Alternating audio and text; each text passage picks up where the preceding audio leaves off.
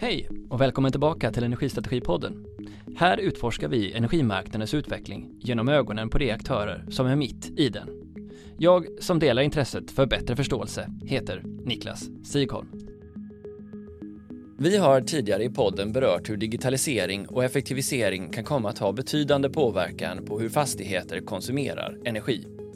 Med höga energipriser och räntor blir det allt viktigare för fastighetsägare att bli herrar över sin egen konsumtion.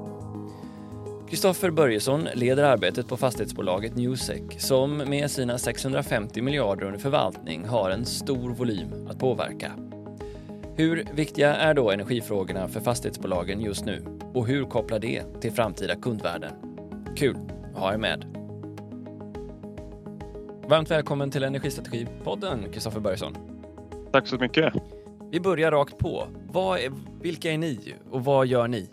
Music är ju en, eh, ett bolag som hjälper fastighetsaktörer med olika delar i allt från rådgivning till transaktioner till värdering till att kunna hjälpa dem att förvalta deras bestånd. Och eh, vi har också den här förmågan att hjälpa till med strategiska utvecklingsfrågor inom det digitala just nu inom mitt område. Så att vi kan väl säga att det är en helhetsaktör för fastighetsägare, fastighetsaktörer som kanske vill ha hjälp med olika typer av frågor. Det som vi inte gör är ju då att själva äga fastigheter eller investera i fastigheter. Det låter vi våra kunder göra. Ja, just det. Det är därför ni inte är lika så uppenbart kända kanske för sådana som är utanför fastighetsbranschen som känner till jag menar, Vasakronan och, och Balder och allt vad de nu heter. Ni är snarare ett steg bakom. Vi är ett steg bakom men även en stor aktör. Eh, säger man Balder, Vasakronan och Castellum som stora aktörer så är ju de bara i den totala mängden fastigheter som vi förvaltar eller hanterar i olika typer av frågor så har vi ett ganska stort bestånd, 9000 fastigheter ungefär. Däremot så är ju de aktörerna också våra kunder. Vi hjälper till att värdera fastigheter, vi hjälper till att sälja och köpa fastigheter där det behövs. Eh, och det har varit en intensiv transaktionsmarknad länge, kanske lite stoppat upp just nu då. Ja, just det. Jag, jag, fick lite, jag har lite siffror här framför mig. Det är 76 miljarder i transaktioner föregående år. Ni har då 9000 fastigheter som du nämner, 650 miljarder i under förvaltning, vilket är ju svårt att omfamna hur mycket pengar det är, men det blir så abstrakt så man nästan tappar greppet på det. Och ni är någonstans runt 4 500, eh, förlåt, 2 500 medarbetare ungefär. Ja, stämmer bra det. Mm. Okej, okay. men om vi bara börjar i fastighetsbranschens läge nu med ökande räntor så läste jag bland annat häromdagen att just kommersiella fastigheter i ett ränteläge i USA börjar bli väldigt ansträngt. Där det fungerar på lite annat sätt att eh, fastighetsägarna kan lämna tillbaka nycklarna i, i, fall, i det fall att de inte kan refinansiera sina lån och därmed också att gör det. Men vi har ju också många svenska stora fastighetsägare som har, står inför stora refinansieringar och, och ränteläget har ju förändrats så fort. Vad skulle du säga, vad har blivit konsekvenserna? Var står vi någonstans i fastighetsbranschen just nu?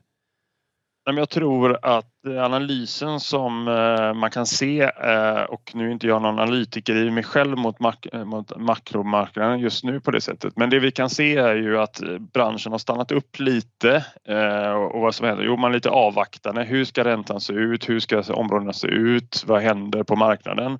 Så det sker inte kanske lika många transaktioner öppet. Däremot så sker det ju egentligen direkta transaktioner där mellan två aktörer som har bestämt att man vill flytta och köpa. Man kan väl säga också att de här kapitalstarka aktörerna, kanske institut och så vidare, i en marknadsförändring så kanske man har möjlighet att investera eh, när det är liksom, eh, lite nedcyklar i vissa delar. Eh, vi ser ju också en nyproduktion som stannar upp vilket gör ju att i det förvaltade beståndet behövs ju mer underhåll och såklart också kanske utveckling och det kopplar ju speciellt till de egentligen stora trendfrågorna just nu. Det ena är ju hela ESG och grön finansiering, det vill säga ska du få eh, ner räntan lite så behöver du ha liksom en grön produkt och då pratar man mycket om ESG roadmap runt i Europa, de stora fonderna och investerarna. Du behöver liksom kunna omvandla brunt till grönt eh, för att kunna påvisa och få det kapitalet du behöver.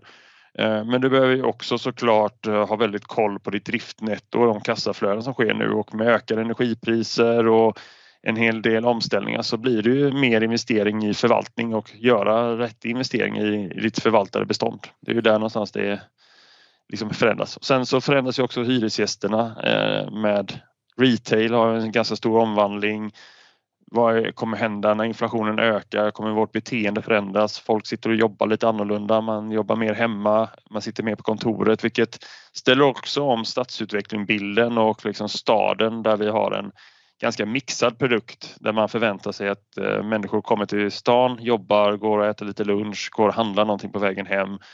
När det dör ut lite så blir det också såklart vissa områden som blir mer ska inte säga utsatta områden men rent intäktsbärande så blir de kanske lite eh, svårare att hantera just nu. Då.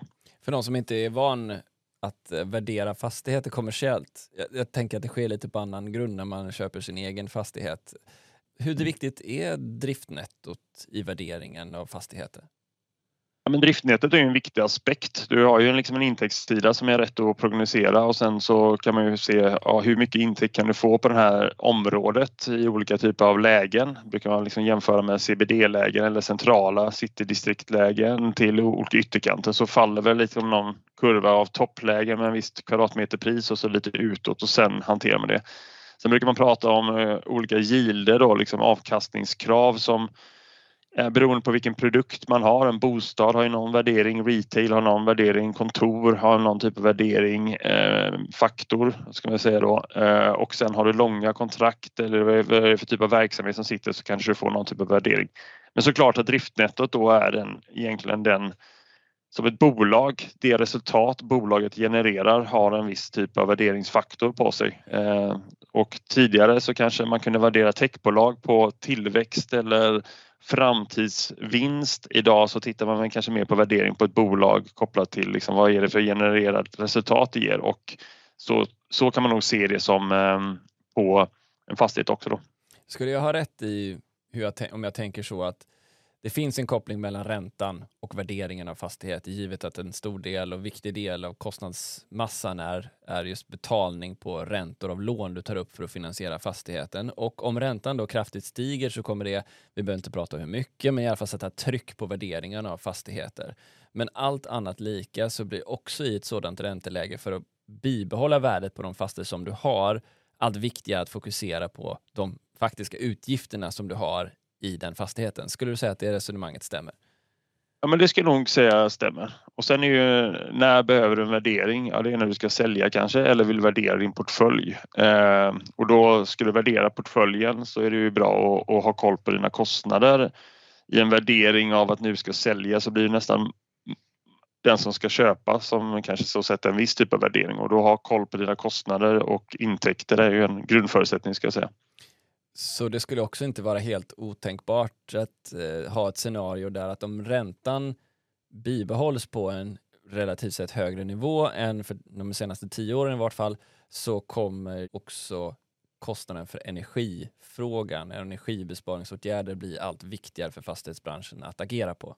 Jag skulle säga att det är en absolut korrekt bedömning. Enligt mig så är nog eh, energifrågan eh, kopplad till eh, till flera dimensioner och utifrån ett fastighetsägarperspektiv så kan man säga att den har ett perspektiv i hållbarhetsfrågan. Man pratar om energi och så blir det kanske mer diskussion om energi kopplat till CO2. Det kanske blir en kopplad till eh, var produceras den här energin? Vad är kostnaden för kilowatt i energi?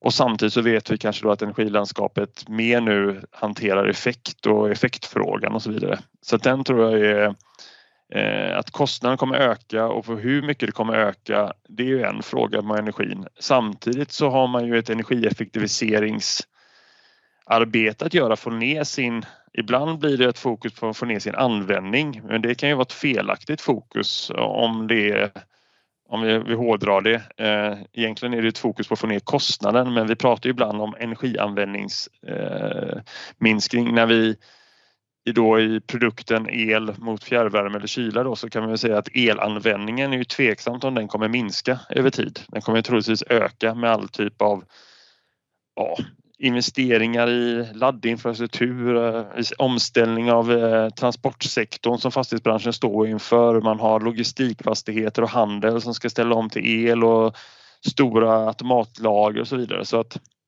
Elanvändningen kommer troligtvis öka eh, och hur säkerställer man att man ökar den korrekt utan att dra på sig mer kostnader eller onödiga kostnader som det kan innebära då? Hur skulle du säga att fastighetsbranschen förstår det här med att vi har ett elöverskott men ett effektunderskott i per, under perioder?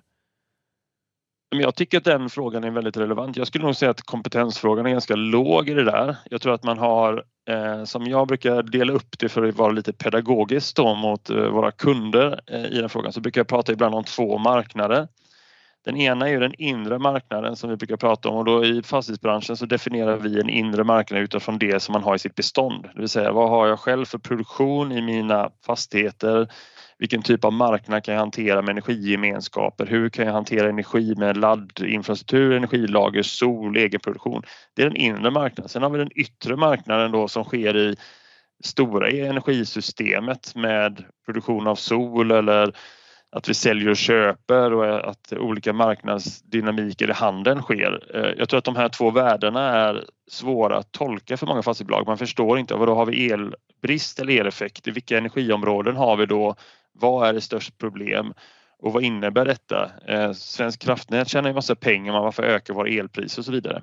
Och då tror jag man kommer in till den här enkla frågan om vad är energi? Jag tror att det finns en stor kunskap om energi och att det kostar, det är en rörlig peng för användning. Vi gör hållbarhetsrapportering runt vår energianvändning. Vi gör energikartläggningar, vad är det som drar energi? Men effekt har vi inte ganska bra koll på, det vill säga kilowatten. Eh, och jag brukar ibland exemplifiera detta genom ganska pedagogisk bild, det vill säga om du frågar en ledningsgrupp, eh, även kanske på ett energibolag när du sitter där, men om vi tar en generell ledningsgrupp som inte jobbar med frågan eh, så kan nog alla svara på om du åker till en bensinstation eller en bränslestation vad vi nu vill kalla det och du tar din gamla bensin eller dieselbil. Hur många av er vet hur lång tid det tar att ladda? Vad kostar det?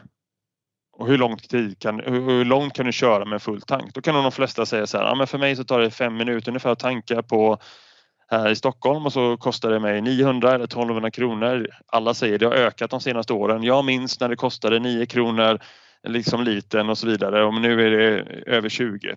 Eh, och jag kan köra ungefär 50, 60, 70 mil med det.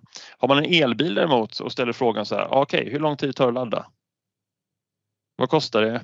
Hur långt kan du köra med din elbil då? Så är det ganska olika svar. Ja, när jag åkte upp och skulle åka Vasaloppet då fick jag stå i två timmar i kö först och främst och sen tog det mig fyra timmar att ladda den här och ja, det kostade lite olika beroende på vad det är och då frågar man så här, men varför är det så? Ja, det vet jag inte. För det är inte energianvändningen du får in utan det är effektuttaget. Så är det många bilar på samma laddstolpe så tar det längre tid och så vidare. Och det är ju hur mycket kräm kan du trycka ut? Och den frågan tror jag liksom är väldigt ovanligt för fastighetsägare att fundera på. Det. Och då ställer man egentligen eh, tillbaka frågan då. Okej, okay, hur har ni koll på ert effektanvändning i ert bestånd? Om vi vet nu att Effektbristen är stor, det vill säga branschen och elsystemet ställer om. Konsumtionsförändringen sker genom samhället med elektrifiering. Fler företag ska ha elbilar, det ska snabbladdas, industrin ställer om. Elnätet är inte byggt för den här förändringen vilket gör att energibolagen då investerar i ny teknik vilket påverkar ju våra effekttariffer hårt draget. Så om effekttarifferna kommer öka mycket mer över tid, de kommer bli dyrare, de kommer bli mer svårtolkade med toppeffekter, lågeffektavgifter, retureffektavgifter. Det är massa konstiga effekttariffer som man inte har koll på och de kommer öka. Och man som fastighetsägare inte har koll på effekten, det vill säga vilken effektprofil har jag? Hur mycket effekt används? Vilken typ av verksamhet kommer jag ha här? Hur många laddstolpar kommer jag använda? Eh, hur mycket kommer jag, vilka är, vilka är riskzon där jag inte kan få mer effekt och vilka har jag möjlighet att få mer effekter? här är ju väldigt svåra frågor för många fastighetsbolag för man har aldrig, aldrig tittat på den frågan. Eh, och då, då blir ju liksom det här med transparens liksom. Är det lätt att mäta effekt idag och veta vilken effekt jag har? Hur ser min servis ut och så vidare. Så det där märker man av i nya frågor och den frågan är ju tyvärr eh, väldigt aktuell för med de påtryckningar nu som vi ser runt laddstolpar specifikt, vilket jag tycker är Eh, en intressant fråga för vi, politiken pratar mycket om att vi ska ut med laddstolpar men egentligen så borde vi prata kanske mer hur många bilar ska kunna laddas och hur ska de laddas. Men trycket på att få massa laddstolpar ut gör ju att man investerar mycket i infrastruktur runt ladd Och då kopplar man på på servisen och sen så står bilen där så händer inget. Ja, just det. De, de, vill ha, de vill ha laddare till alla, alla bilar som ska parkera men så tänker de inte på vilken effekt det blir i varje uttagspunkt. Exakt. Och då dyker problembilden upp för ett fastighetsbolag för de säger så här, okej okay, men vi har ju lovat den här hyresgästen som har ringt hit och vill vara ett hållbart företag och vill ställa om sin eh, serviceflotta till elbilar och de vill ju på morgonen komma ut och köra ut och göra åtgärder. Eller så har man lyckats få Budbee att komma hit och sitta med sina elbilar för att löva citylogistik och man är skitnöjd med kontraktet och liksom lovat, lovat det. Och sen kan inte de bedriva sin verksamhet för att de inte kan ladda under natten eller på de tidpunkterna för att man inte har effektuttaget i servisen. Och då blir det ganska akuta åtgärder och man kanske inte heller vet vad det där kommer kosta i effekter och, och på de delarna. Så jag skulle säga att effektfrågan är ju en, en kunskapsfråga som inte riktigt eh, man har stor förståelse för hur man ska hantera den, hur man ska jobba med den kanske fullt ut, vad man kan påverka med den. Eh, och den är väldigt svår att prognosera vad som händer för att det finns ju, om vi då pratar om transparens så kanske då energibolagen inte är så jättetransparenta om effektkartor och effektkartläggningar. Eh, vilket jag tycker är intressant i flera aspekter. Så om, om, ni eh, kommer till dem, om de kommer till er och säger så här, men vi kan inte få ut mer för om vi skulle räkna det som energiinnehållet i diesel, vi har inte samma högvärdiga oktan på vår diesel, den är mer lågvärdig och så säger ni okej okay, men, men vad behöver ni då? Vad får ni för svar eh, i den dialogen med elnätsbolagen upplever ni? Nej, men det är lite olika skulle jag säga. Det ena är ju att kunna få en, eh, hur ser tarifförändringen ut över tid så att man kan göra en investeringskalkyl för att veta vad som händer. Det andra är vad har jag för effekt och effektmöjligheter och där kan det ju vara att man har köpt en viss typ av effekt men energibolaget inte kan eller nätbolaget kan inte leverera den effekten. Man har blivit lovad eh, eller man har köpt en viss kapacitet och så kanske man inte använt den kapaciteten på 10-15 år i den anslutningspunkten och då börjar man kanske nalla lite på den effekten som energibolag. Men att bygga om och tillföra den effekten man behöver där då, det kan ju ta tid och det kanske vara svårt att bygga på och då är det ju deras investeringshorisont som tar lång tid. Så att jag märker av där att den här samspelet, vad har jag för effekt? Vilka möjligheter har jag? Eh, det kanske det samarbetet finns inte riktigt tydligt. Eh, jag brukar exemplifiera det med också den här Eh, alla känner till liksom hållbarhetsmål om luftkvalitet eh, och jag tycker det är ganska enkelt. Liksom så här, vi människor behöver bra luftkvalitet, det är väldigt viktigt för EU. Det finns ett direktiv kopplat till luftkvalitetsindex. Det ska vara tydliga kartor så att jag vet att i Shanghai just nu så är det dålig luft, gå inte ut för du kan bli sjuk, fastma. I Göteborg just nu så är det väldigt bra luft, du kan vara ute och sådär. Det är lätt för mig som individ, lätt för företag att hantera den informationen. Effekt och el är också väldigt viktigt men jag kan väldigt lite få långtidsprognoser på elutvecklingen. Jag kan få ganska lite information om effektkartor. Jag kan få väldigt lite information i mitt bestånd. Hur ser det faktiskt ut? Väldigt lätt och transparent. Eh, och det möjliggör ju, eller det, det medför ju en del svårigheter, eh, det vill säga hur ser den installerade effekten ut i, i mitt område? Vilken tillgänglig effekt finns det? Och hur ska jag då räkna på min investeringskalkyl om jag då vill ha batteri, sol, bygga ut fastigheten, tillföra el, laddstolpar till en verksamhet eller jag vill få in en annan verksamhet som har ett behov att ställa om och använda mycket mer effekt. Ehm, det är ju en svårighet där att göra den kalkylen som fastighetsbolag idag när man inte förstår frågan eller kan hitta rätt information. Då. Så, så brist på information eller transparens eller kanske kunskap, vad vet jag, är, är, är en aspekt av det här. I vilken mån bedömer du då hur skulle du vilja ranka elnätens förmåga att komma ut och med nyfiket också förstå vart kunderna är på väg? Jag skulle nog säga att den är ganska låg. Eh, jag har inte varit med om att den är så eh, inbjudande, vilket historiskt sett kan ske eh, som vi har sett i flera dimensioner, det vill säga fastighetsbranschen är ju ganska omringad av olika monopol, eller om man vill hårdra på det sättet. Det ena är ju liksom telekombolagen och att det ska installeras master och 5G och det ska bara installeras saker i våra fastigheter för att möjliggöra telekom för världen. Eh, där har man kanske inte varit så inbjudande i alla frågor. Och runt energibolag och nätbolag så kan man väl säga att det kanske inte varit en proaktiv diskussion i alla områden. Det kan ju finnas vissa typer av citysamverkningsgrupper eller typ eh, flexmarknadsgrupper där man kan diskutera prisdialoger om fjärrvärme och eh, sånt som branschorganisation men den specifika kundaffären att säga hej kära kund, ni, vi är ju en stor leverantör till er i Stockholmsregionen. Hur ser ert behov ut? Hur ser er portfölj ut? Vad ska ni göra i er portfölj? Ska ni sälja? Ska ni bygga ut? Vad har ni för behov av laddstolpar inom kommande tid? Har ni funderat på frågor om energilager? Eh, har ni frågor om eh, effektmarknaden och effektbalanseringstjänster? Hur ser detta ut?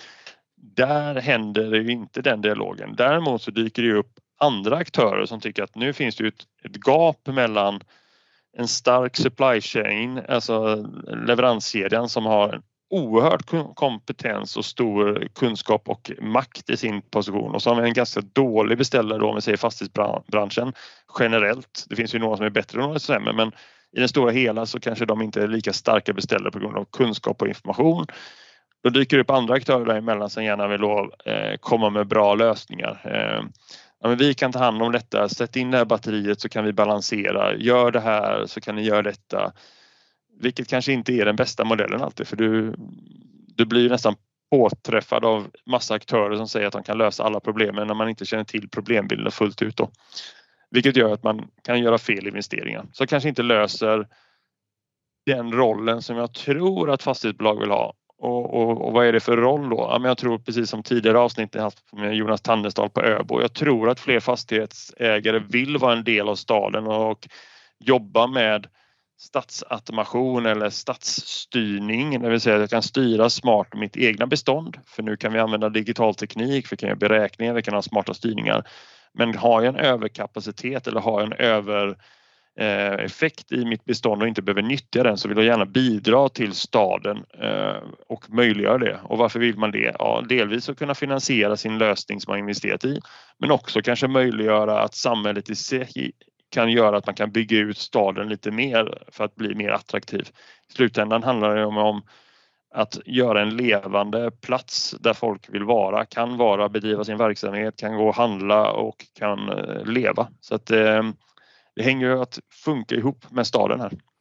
Så om jag förstår det rätt så själva kilowattimmefrågan är ju fortfarande aktuell. Det är ju trots allt en uppenbar kostnad vad man förbrukar hela tiden. Om man går, då skulle mm. jag tänka historiskt har det varit kanske den viktigaste frågan för fastighetsbranschen och det som händer nu är dels att elnätsdelen av fakturan den ökar men också mm. så kopplade till förmågan till elektrifieringen och omställningen.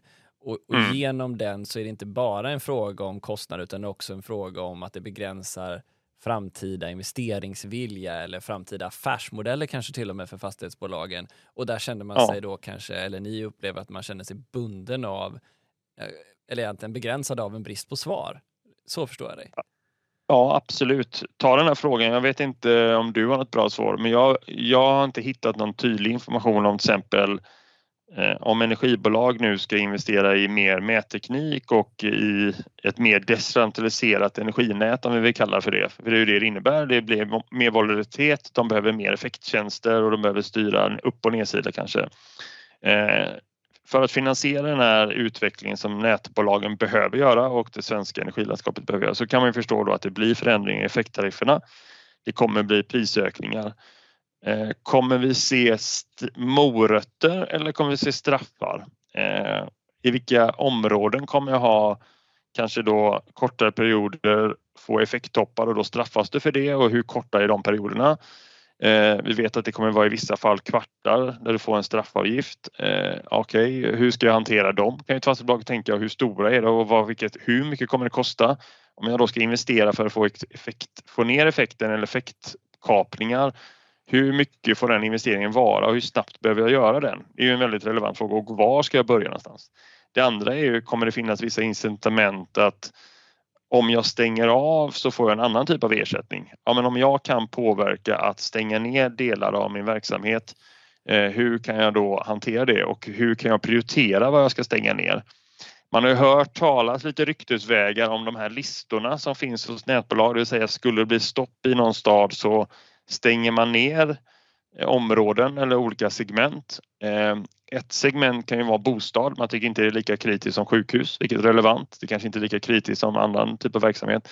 Men en bostad idag är inte bara en bostad. Det är också en eh, viktig infrastruktur för telekom. Det vill säga ofta så sitter ju master på bostäderna. Du kan bedriva privata vårdhem. Du kan ha en viss typ av kritisk utrustning som sitter med att folk inte får plats i äldreboende och så vidare. Så det kan ju vara väldigt kritiska bostäder. Men om man pratar då med fastighetsägaren om det här så kan man ju säga att det här bostadsbeståndet det här är kanske bättre än det här. Ehm, men vi skulle också kunna bygga om våra elserviser så att ni inte stänger om telekom och kritisk utrustning så att ni kan stänga om viss typ av utrustning i våra ehm, eh, bostäder, i vår produkt med smartare styrning. Då gör man ju den investeringen i samklang eller man gör den gemensamt för att uppnå ett större mål och då kanske eh, energibolag eller eh, nätbolag kan investera eller hjälpa till i tarifförändringen att jag har aning om i min investeringskalkyl som fastighetsägare vad jag kan göra för att möjliggöra det här då. Så jag tror att det finns mycket sam samarbete kopplat till det här. Ja, just vad gäller frågan om roterande bortkoppling så kan man väl, det finns ju väldigt många saker man kan säga om det. Vi har haft vissa samtal med Svenska kraftnät eller representanter därifrån eh, som just har pratat om liksom, ö, behovet av övning och samförstånd eller sam, samordning när det kommer till hur, hur, en roterande bortkoppling eventuellt skulle ske. Men som sagt, mm. den risken har ju verkligen tonats ner från Svenska kraftnät och jag tweakar tillbaka den in till diskussionen då om, om vi tar då, börjar med piskan. Och, och från din sida förstår jag att piskan är då att elnätsbolagen försöker på ett eh, förståndigt sätt skapa ur deras perspektiv incitament att konsumera vid rätt tidpunkter och förflytta mm. eventuellt last från tidpunkter då det, då det är, eh, liksom, man ligger nära någon form av kapacitetstak. Då. Um, mm. Det där är ju många som funderar på nu. Det utformas både tariffer med hög och låglasttider, det är olika spann på de här tiderna. Det är eh, andra elnätsbolag som tänker att ja, men risken om vi utformar en tariff som styr bort lasten från en specifik tidpunkt ja, men, och, och ner och säger att det är riskfritt att och exempelvis ladda alla bilar på natten. Då helt plötsligt får vi områden mm. där alla laddar bilarna på natten och då får vi istället mm. problem då. Har, har, du, har ni någon preferens som ni ser det när det kommer till, som ni beskriver det, piskan om man säger tarifferna? Vad är önskvärt? Vad är vilka framgångsfaktorer bör man kunna luta sig mot som, som elnätsbolag när man tänker kring tariffer? Jag, jag tror det är viktigt med transparens först och främst så man vet förutsättningar och att inte nya tariffer sker hela tiden och eh, om man håller en viss typ av nivå och hur man kan påverka den. Det tror jag är det viktigaste och sen handlar det om ett tidsperspektiv också. Eh, om man bara vill hårdra det så, så tror jag att det är ju, eh, sitter du med ett bestånd av 100 fastigheter säger vi, eh, som idag är eh, på grund av strukturellt eller kunskap eller vad man nu kallar det så kanske det oftast är att eh, hyresgästerna sitter med elabonnemanget, man har väldigt lite koll eh, på elabonnemanget så får du en faktura som fastighetsägare så har du viss typ av verksamhetsel och sen så har du en viss typ av fastighetsel du har noll koll vad som händer bakom. Du har egentligen tittat på kostnaden och så börjar det öka lite kostnaden så ser man så här, men vad är det som ökar? Jo, det är de här nätavgifter och massa straffavgifter. Vad är det? Vad är det som drar den här effekten? Vad är det som påverkar den? du har ingen mätteknik som gör att du får högupplöst. Du får egentligen bara på mina sidor en graf om dina kostnader och kanske förbrukning men inte vilka toppar och effekter du har haft. Men man har inte haft den utrustningen. Ja, då har man ju kommit ut med de nya elmätarna och så ska man koppla på hanportar. Det men från elservisen som kan då hantera en otrolig mängd verksamhet, kylaggregat, eh, alltså massa utrustning. Väldigt svårt att veta vad är det som gör att vi toppar de där effekterna varje kvart. Är det ett aggregat som slår igång? Är det någon kylmaskin som går igång? Är det någon eh, sak i fastigheten som ligger och drar någonting? Så har man ingen aning om riktigt det och då är man ändå så ner på fastighetsnivå och jobbar och inte på bolagsnivå. Och då är ju risken att den här omställningen kan ta lite tid. Eh, och då tror jag liksom så här för vårat perspektiv på Newsec så tror jag så här, men vi behöver ju mer och mer rekommendera våra kunder och hjälpa våra kunder i att förstå att investera i digital teknik nu eh, för att få mer insikter och där blir ju mätteknik väldigt relevant och rätt typ av mätteknik och rätt typ av mätplaner så att du kan särskilja el och effekt och vad är verksamhet och fastighet och vad är det som driver kostnader? Är det det som för uppvärmning och kyla eller vad är det som händer med de här heter det, kostnadsdrivarna och vad är det som, hur kan man göra en analys för att mäta mer? Ja, I den bemärkelsen och, låter det ju som att det får precis den avsedda effekten då, att, att den här typen av, av frågor ställs hos fastighetsbolagen som leder till en, en ökad och fördjupad insikt och förståelse i vad och hur man förbrukar. Ja, absolut. Jag tror jag brukar säga det att eh, förut så har man inte varit så kanske datadriven, det vill säga att man har fått en faktura och kanske mer varit investeringsdriven. Men att vara datadriven handlar ju om att med faktabaserade uppgifter förstå vad det är som inte som är din förbrukning utan hur, för, hur omvandlar du förbrukning och användning och tarifferna kopplat till en kostnad och vad är det som påverkar det och då behöver man ju jobba med datadrivna insikter för att bli lite klokare. Och vad behöver du bli klokare? Men du behöver få mer insikter i vad det är som driver kostnaden. Och för att göra det så behöver vi då kunna sen prioritera åtgärder och lösa de här åtgärderna med vissa typer av projekt eller viss typ av ny teknik eller någonting. Och då, då blir det ganska naturligt att så här, mättekniken möjliggör då för att få mer högupplöst information om, kopplat kanske till el om det är på bolagsnivå den största kosten som förändras. Men sen också kunna eh, jobba med påverkningsteknik där man kan säga traditionell nu, nu blir vi väldigt tekniska, men traditionell styr och regler har ju varit mer att styra värme, kyla, inte vara en del av den, styra den inre marknaden, det vill säga när du väl har en automation som styr i din fastighet värme, kyla och el så ska den också kunna nu styra Eh, andra typer av förmågor som kanske då laddning eller att omvandla att nu köper jag el och jag ska ner, ner med batteriet och nu ska det från batteriet till laddstolpen och nu ska jag använda det till verksamhet. Eller jag ska sälja tillbaka el i elhandeln.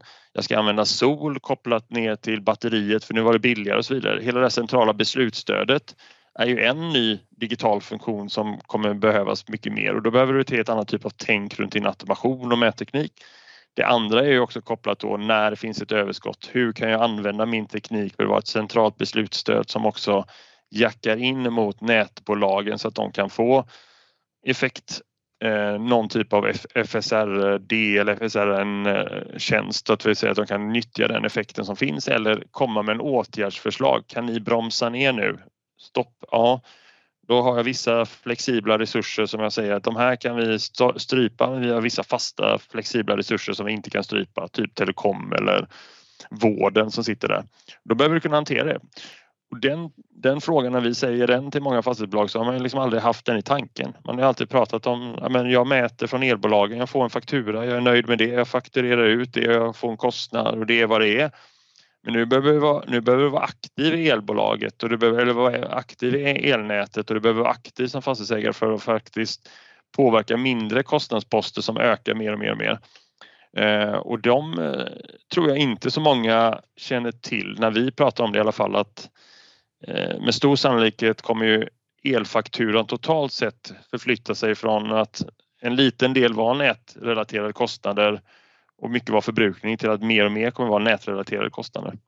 Men om jag förstår det rätt här så låter det egentligen i din problematisering här att det är inte i sig att det kommer tariffer som styr eller som skapar nya förutsättningar. Det leder till ett behov av digitalisering och ökad förståelse hos fastighetsbolagen så att man utvecklar en styr och regler som gör att man kan agera mot de prissignalerna som elnätet sätter upp.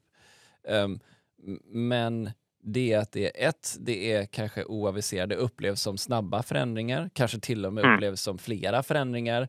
Och också mm. antar jag då, och det är väl egentligen frågan är, hur, hur stor utmaning för er som har fastigheter i så många delar av landet är det att vi får så många olika? För det har ju varit en diskussion i fjärrvärmesektorn att fastighetsbolagen har sagt att vi, vi lider av att det är så väldigt många olika fjärrvärmetaxor. Och nu är det ju och så blir det då, då om du har många olika typer av styrningar på din elnätsavgift, också många mm. olika typer av elnätsavgifter. Hur, hur, hur tacklar ni det?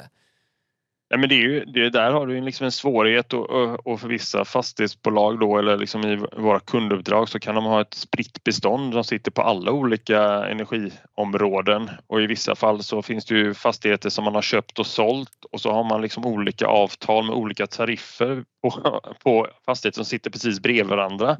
Och då kan man liksom kan man inte riktigt hantera det på ett bra sätt. Så jag skulle säga att, att ha den olika tariffer, olika taxonomier, olika typer av prishandelsavtal eh, och så vidare. Det är en problematik tror jag när man ska göra på bolaget en enhetlig lösning. Eh, för att jag tror ju och rekommenderar fler fastighetsbolag att börja med bolagsperspektivet, det vill säga hur ska vi hantera frågan i vårt hela bolag och vårt portfölj och hur standardiserar vi detta och hur ska vi jobba med de fastigheterna som har störst påverkan. Och är det då i Malmö eller södra Sverige som den stora tarifförändringen kommer ske först och snabbast utvecklas, ja, då ska ju allt krut hamna där.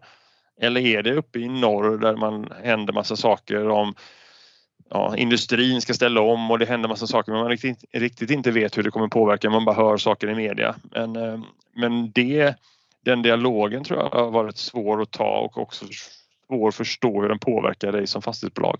Mm. I det stora hela. Om... Så, så svaret på det, tariffen i sig tror jag inte är ett problem. Om alla känner till vad är det för tariff jag kommer ha och hur, vad är det, vad kommer den kosta mig eller hur kommer prisutvecklingen vara på den för att jag ska kunna kalkylera hur ska jag kunna förändra den eller påverka den och hur ska jag då jobba med den. Där tror jag det varit en, en kompetensfråga för att frågan har rört sig så snabbt, otroligt snabbt. I den meningen låter ju ditt, ditt resonemang här väldigt likt hur eh, energibolagsrepresentanter, oavsett vad vi pratar om för, för kraftslag, pratar, nämligen vi behöver transparens och långsiktighet. Det är det vi behöver för för, för stabilitet i vår affär eftersom jag, liksom fastighetsbolagen också har en väldigt lång, ofta liksom investerings eller avskrivningstid på sina, sina assets, mm. sina tillgångar. Um, och så okej, okay, så, så incitamentsstrukturen eller prissignalen eller piskan, beroende på vilket perspektiv man tar på frågan, den kommer ha effekt. Din spaning är att elnätsfrågan och, och tarifferna kommer bli en allt större del för er. Om man då går över på det som är moroten då, säg att du har någon kund som har verkligen förflyttat sig, de har satt in sina PLC, precis som Jonas Tannerstad pratade om i podden mm. senast, och, och, tagit sig hela vägen till att vi vet exakt vad det är som kom, eh, konsumerar, hur mycket och vilken typ av, av elenergi.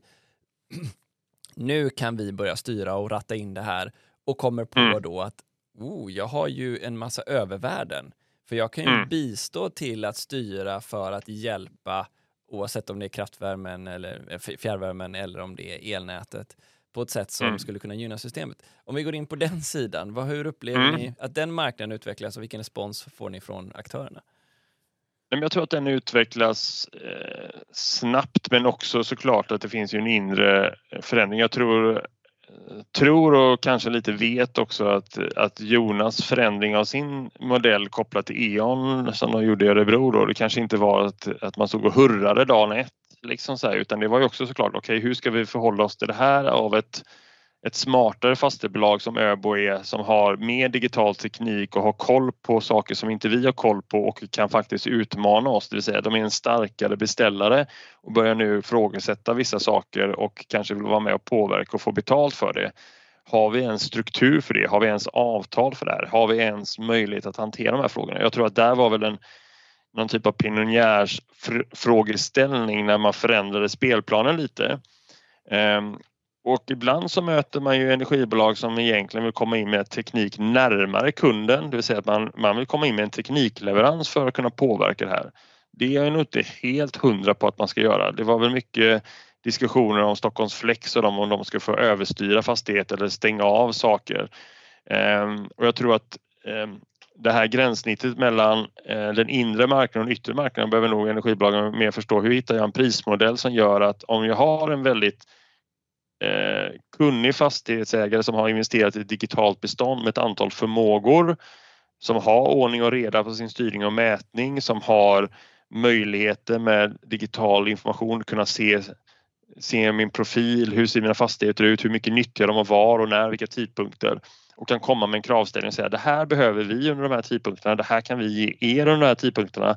Så här skulle vi kunna hitta samarbeten i det här lokala området där ni kan få nyttja överskott och vi skulle gärna vilja producera mycket mer energi lokalt men också kunna lagra energi lokalt och vi kommer att ladda dem under de här premisserna om träffarna ser ut så här.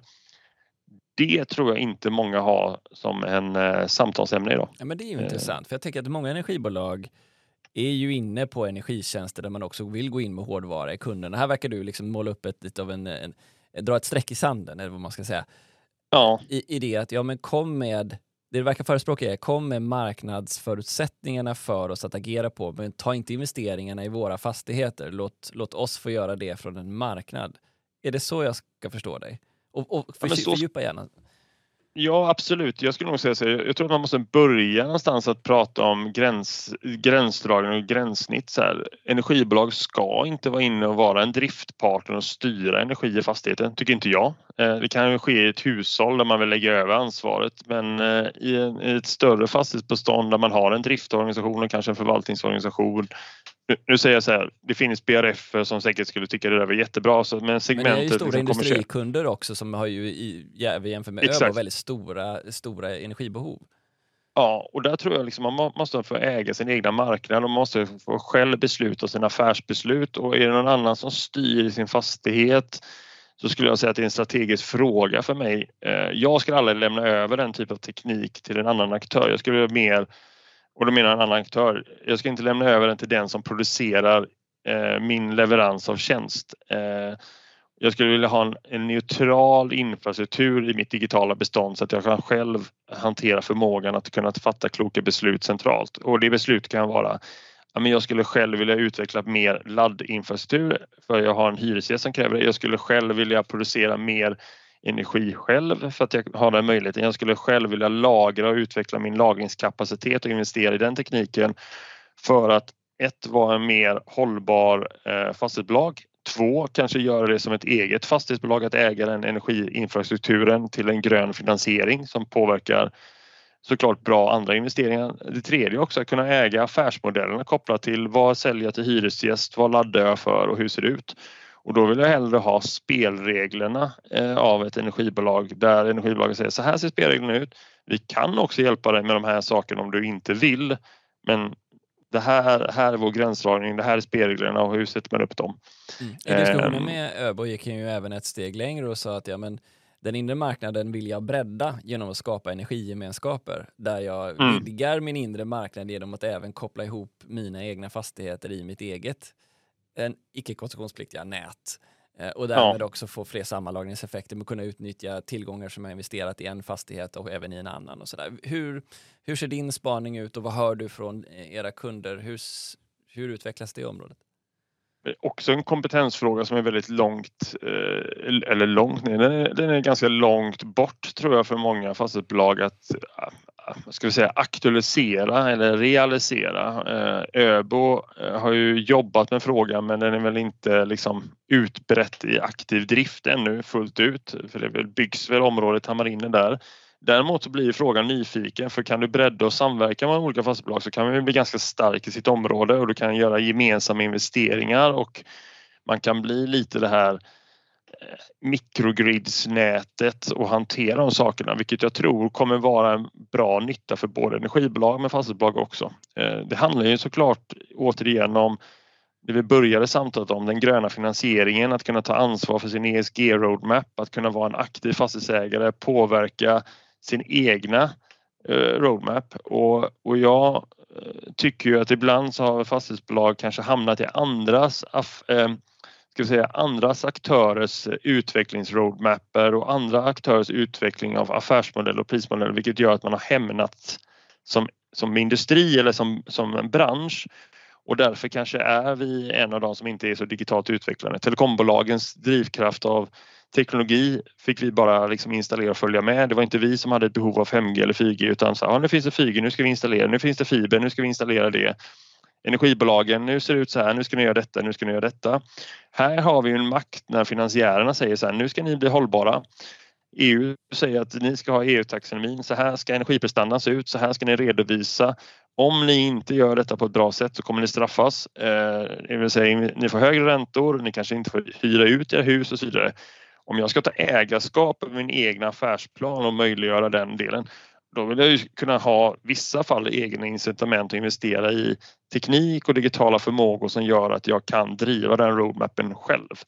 Ehm, och såklart om jag har ett behov att bli egen producent av ett, om, ett område där jag kan det, ja, då kanske jag vill möjliggöra det för att minska mitt köpta energi eller minska mitt köpta CO2 och i vissa fall så kan det ju vara att kunna investera i infrastruktur som vi, även, eh, som vi är duktiga Fastigheter är ju en infrastruktur men också investera i den som möjliggör liksom att ha koll på sina kostnader på ett bättre sätt. Eh, även om du säger att det här kanske är långt borta på grund av att kompetensen är låg nu så har vi ju varit igenom några makrotrender som ju ändå borde trycka på för det här. Du har det finansiella perspektivet som driver upp räntorna vilket eh, ökar trycket på att se på kostnadssidan för att behålla driftnettot. Du har du har den, den marknadsmässiga förändringen som gör priset faktiskt både på el men även då eh, elnät ökar över tid som är en central utmaning. Du har den regulatoriska frågan som är det ökade kravet från, från EU-nivåer som kommer ner och implementeras i svensk lag som har att göra med mm. eh, energiprestandan i fastigheten. Och jag antar också att du har en utveckling i alla fastighetsbolagens egen interna roadmap när det kommer till, mm. till sustainability-mål som förfinas. Så vilken förflyttning och hur snabbt, det är ju en intressant spaning, hur, hur snabbt tror du det här kommer driva på en förflyttning i fastighetsbranschen att, att så säga, rekrytera in den här kompetensen, både vad gäller den digitala grundförmågan som du pratar om såklart, men också förmågan att kunna hantera sitt bestånd mer, för, mer ja, men klokt i de här nya förutsättningarna? Mm, en bra fråga. Ehm, och den är ju väldigt eh, liksom lika svår som svar på hur, hur snabbt går elektrifieringen i Sverige. Eh, men, men om jag ska liksom hårddra det någonstans. Jag tror ju att kompetensfrågan att eh, jag som ledningsgrupp eller som eh, ansvarig för mitt fastighetsbolag eh, har koll på frågan om effekt och utmaningar med effekt och energilandskapets förändring eh, högaktuellt och tror att kunskapen kommer öka mer och mer. Eh, Frågan, kommer jag kunna rekrytera kompetens till mig som kan frågan? Kanske svårt. Eh, kommer människor som kan frågan eh, sätta sig på teknikbolag som kommer och knackar på dörren och säger att de kan lösa detta? Troligtvis ja. Eh, kommer de kanske göra det bästa för fastighetsbolagen? Kanske inte alltid. Eh, kan vi hjälpa till som en stor aktör på Newsec? Det tror jag. Eh, jag tror att eh, ja, det ligger liksom, nu ska vi inte sälja in oss allt för mycket men jag, vi märker ju av frågan är ganska högaktuellt. Vi börjar liksom bygga upp ett strategiskt rådgivning runt effektkartläggning där det handlar väldigt mycket om hur hjälper vi fastighetsägare med kunskap, checklister, inköpsstrategier kopplat till att få den här säkra finansiella avkastningen och möta de här utmaningarna det handlar om energigemenskap, det vill säga hur är jag en flexibel resurs mot svenska energisystemet? Hur kan jag hantera mina effektdelar? Hur kan jag jobba med min inre marknad? Det vill säga batteritillverkaren eh, är det inte som kommer men eh, energilageroperatören kan vi säga kommer och knackar på dörren och säger ni kan spara energi och ni kan jobba mot effektmarknaden så kanske du behöver någon som sätter sig på andra sidan och kan hjälpa dig att köpa in den leverantören eller säga att den leverantören och den leverantören är bättre kopplat också till den här frågan att det handlar nu också om en ganska stor IT-säkerhetsfråga. Vi tror att det finns en risk att elbolag har ju ganska höga krav på IT-säkerhet. Fastighetsbolagen har väl haft en tendens att installera saker och så kopplar man bara upp lite saker. Jag tror att inte energibolag kommer, eller energibolag kommer nog inte tillåta att du sätter ut ett batteri som är helt uppkopplat på wifi för att styra det mot Sveriges mest kritiska eh, infrastruktur, det vill säga elnätet och sånt där. Så att jag tror också det kommer finnas sådana krav. Så att jag tror att den här rollen som vi vill ta är ju både sätta oss med energibolagen och säga vilka krav ställer ni egentligen på infrastruktur eller resurser som finns tillgängliga i en fastighet runt IT-säkerhet, datahantering, juridiska frågor men också vilka tekniska gränssnitt skulle ni behöva och vad är bra för er för att kunna sätta en bra kravställning när man går och köper upp de här olika delarna. Eh, det tror jag, liksom den strategiska rådgivningen tror jag kommer bli väldigt relevant för oss och våra kunder för om jag hårdrar det, skapa den här balansen igen mellan köpare och säljare. Där säljarna idag, energi och elbolag, har varit väldigt, väldigt starka. Ja, för en del av det här, det finns ju många frågor i det här nu, får se om jag kan formulera den klokaste av dem. Men en del av detta är batterier. Då. Det ser vi ju flera fastighetsägare som går ut, jag tror senast var Stena Fastigheter som gick ut och berättade att man ska installera batterier. Och det är klart att en del av det är säkert för att kanske mitigera sin toppeffekt eller köra peak shaving eller, eller att mm. mitigera mm. energin i sig för fastigheten. Och sen eh, mm. skulle det vara då att man handla med det på stödmarknaden. Men mycket av det vi beskriver och det du beskriver nu är, ju elnätens lokala problem med kapacitetsbegränsningar. I vilken mm. mån upplever du nu att, eh, att ni får någon som är, agerar market maker som energibolagen och säger att så här kommer triffen se ut men så här ser vi också att den framtida intjäningen kommer att, alltså moroten kommer att se ut ifall ni skapar er den här förmågan? Ja, men bra fråga. Man kan väl säga på flexmarknaden så tycker jag liksom att eh, då har det varit mycket diskussion om att det finns mycket möjligheter att tjäna på olika typer av flextjänster. Eh, och den marknaden tycker jag man var väldigt tydlig med vad man kan få och inte få. Det man kanske inte varit tydlig med är ju de som investerar i att vara aktiv i den här flexmarknaden då. Får jag så mycket betalt som det var tänkt? Vad händer om den marknaden blir överetablerad? Kommer den se ut som det händer i Tyskland nu, det vill säga att den pikar upp och sen börjar det mattas ner? Eh, hur lång är den här intjäningsperioden jag har och så vidare.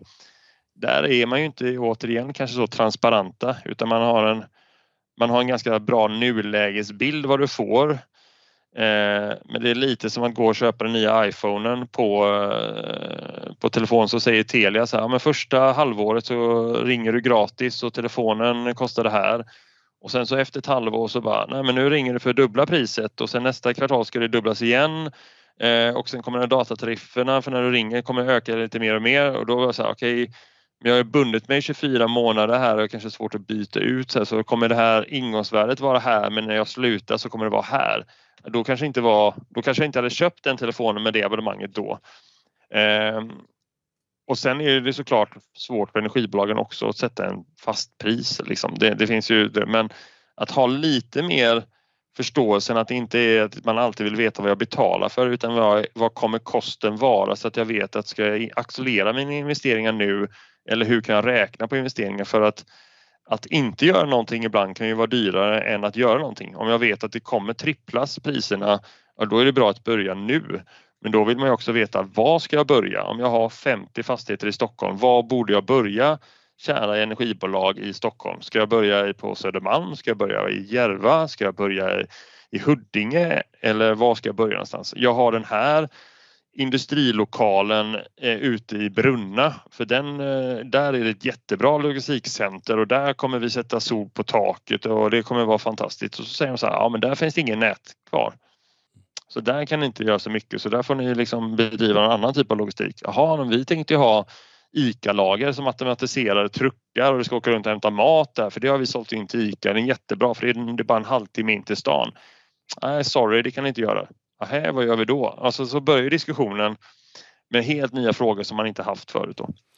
Ja, du nämnde ju den förut. Och som en aspekt för er då, som också har mycket logistikfastigheter så är ju elektrifiering och transportsektorn någonting som både kommer att vara väldigt energikrävande men som också potentiellt ger möjligheter när exempelvis Vehicle to Grid utvecklas. Mm.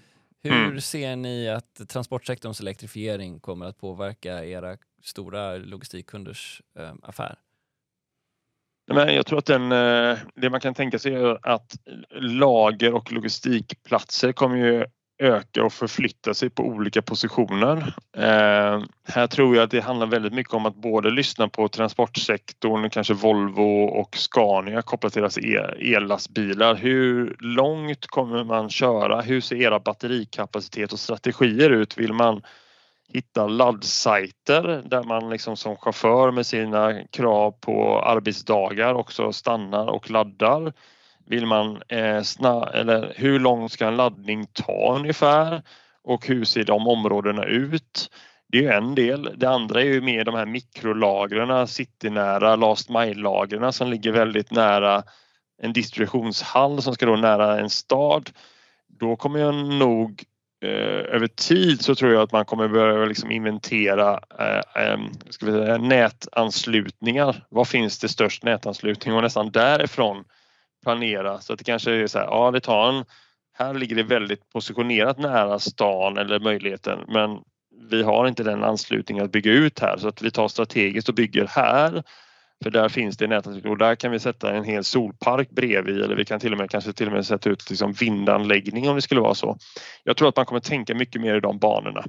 Eh, och sen så finns det såklart alla fastigheter som är bensinstationer. De står ju också utifrån utmaningen. Hur ska vi vad ska vi göra med våra bensinstationer eh, och hur ska vi hantera det? Och sen så har du fast food-restauranger som finns längs vägarna som säger så här, hur ska vi hantera detta? Tesla säger nu att de kan sätta ut laddstolpar här och då kan 100 Tesla-bilar komma här och handla och vi får sälja hamburgare jättemycket. Och så säger på andra sidan gatan så säger bensinstationen, ja, men vi kommer vara framtidens tankstation så vi ska också ha det. Så vet man där att står det då 400 bilar på det här stället 12 på en lördag som ska iväg på ett sommarlov kanske tar väldigt lång tid och blir väldigt många korvar och hamburgare som ska ätas och glass innan alla kommer därifrån. Ja, det låter som att du har väldigt många olika frågor. Det kanske är färre specifika svar. Men det är otvivelaktigt så att energifrågan blir en allt viktigare del för de stora fastighetsbolagens affär. Förstår jag det rätt? Absolut och jag tror att frågeställningarna måste man ställa för att kunna koka ner till vilka frågor är relevant för den specifika fastigheten eller fastighetsägaren och hur ska man hjälpa dem i det här frågelandskapet att koka ner det. Vad innebär det för mig som fastighetsägare? Vad innebär det för vår portfölj? Var ligger jag i skalan och vilka områden har jag hög risk, låg risk?